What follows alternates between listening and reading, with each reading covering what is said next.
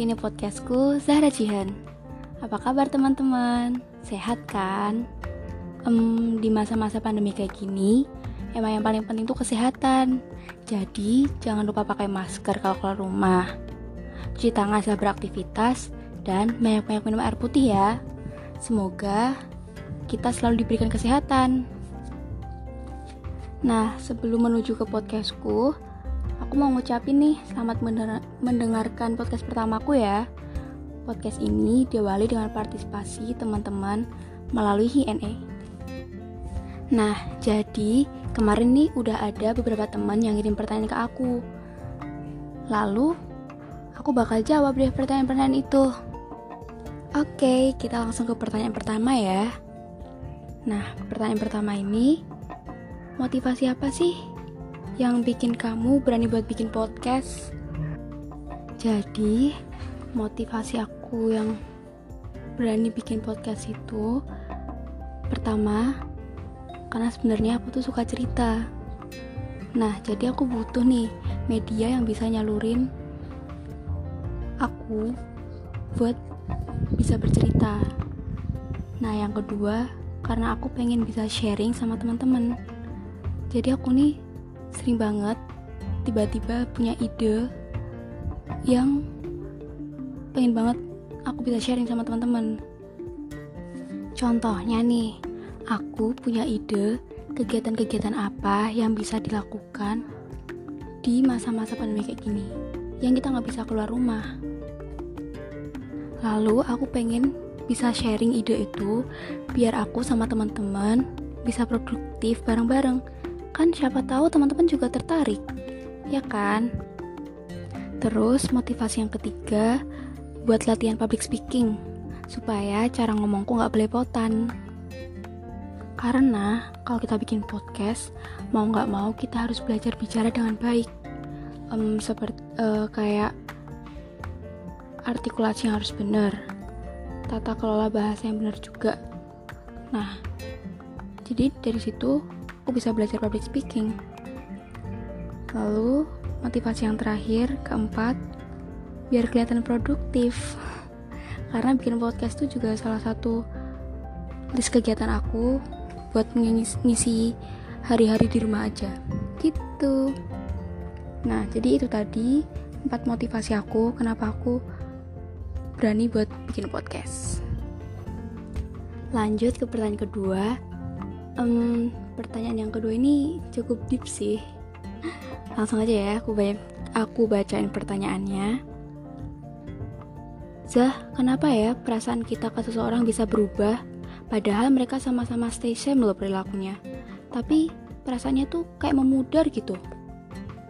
Nah, untuk jawab pertanyaan ini, aku punya tiga kemungkinan nih. Kemungkinan pertama, karena salah satu dari mereka udah nemuin hal yang lebih interest dari yang dulu. Contohnya, dulu kamu ngefans banget sama penyanyi Hollywood. Terus suatu hari kamu gak sengaja nonton video idol K-pop di YouTube. Terus setelah beberapa menit kamu mikir, loh kok idol K-pop lebih interest ya, lebih asik ya, lebih menarik ya. Nah, dari situ kamu bakal nyari-nyari lebih lanjut tentang idol K-pop. Terus lama-kelamaan, kamu bakal kelupaan tentang art, uh, tentang penyanyi Hollywood tadi. Nah, itu bisa ngurangin perasaan kamu terhadap uh, sesuatu yang dulu kamu sukain gitu. Jadi kemungkinan pertama karena ada yang lebih interest. Lalu kemungkinan kedua Mungkin karena pernah kecewa atau dikecewakan. Ini aku ada contoh real life-nya. Jadi aku pernah berusaha banget show my feel biar di notice seseorang. Tapi ternyata nggak di, di respon respon. Nah, uh, aku mikir wah nggak mungkin nih dilanjutin. Jadi aku berubah 180 derajat terhadap orang itu tadi. Stop show my feeling lagi. Dan aku gak bakal sama lagi ke dia tapi bakal tetap welcome. Selain dari contohku tadi coba kalian ingat-ingat lagi coba kalian pikir lagi. Hal apa yang pernah bikin kalian kecewa? Lalu coba iya nggak bikin kamu berubah? Gitu karena kalau aku pribadi tipe yang bakalan berubah banget kalau udah kecewa atau dikecewain. Gitu. Uh, kecewa itu nggak masalah sih menurut aku. Karena kita tuh manusia. Kita nggak harus selalu bersikap positif ke orang lain kalau kita udah ngerasa dirugiin. Lanjut ke kemungkinan yang ketiga. Kemungkinan ketiga ini uh, mungkin karena udah beda prioritas jadi di saat seseorang udah punya prioritas mereka bakal lebih banyak ngabisin waktu buat mencapai prioritas itu. Waktu yang dihabisin buat sama kalian bahkan berkurang dan itu pasti bakal bikin perasaan kalian memudar. Nah, jadi itu tadi ya kemungkinan-kemungkinan yang bikin perasaan seseorang bisa berubah atau bahkan memudar. Gitu. Semoga menjawab ya. Lanjut ke pertanyaan ketiga. Kenapa kita harus jadi manusia yang positif? Hmm, menurut aku, kenapa kita harus jadi manusia yang positif? Karena itu akan baik buat diri kita sendiri. Di saat kita positif, lingkungan kita pasti juga akan ikut positif. Karena apa? Karena ada energi positif yang tersebar di situ juga tapi semakin ke sini, aku jadi mikir kalau kita nggak harus selalu jadi yang positif. Kenapa? Karena kita manusia. Sewajarnya kalau kita nggak selalu positif, apalagi kalau kita pernah dikecewain, apalagi kalau kita pernah dirugiin. Karena apa? Hmm, semakin ke sini, diri sendiri itu yang paling penting karena di saat kalian jatuh, di saat kalian lagi butuh semangat, yang pertama kali bakalan ada adalah diri kalian sendiri. Jadi, tolong banget jaga diri kalian sendiri. Jangan sampai diri kalian merasa sedih, kecewa, atau dirugiin. Gitu. Intinya karena yang tahu terbaik buat diri kalian tuh ya diri kalian sendiri. Jadi treat yourself better. Jadi perilakuin diri kalian sendiri dengan baik. Lanjut ke pertanyaan keempat.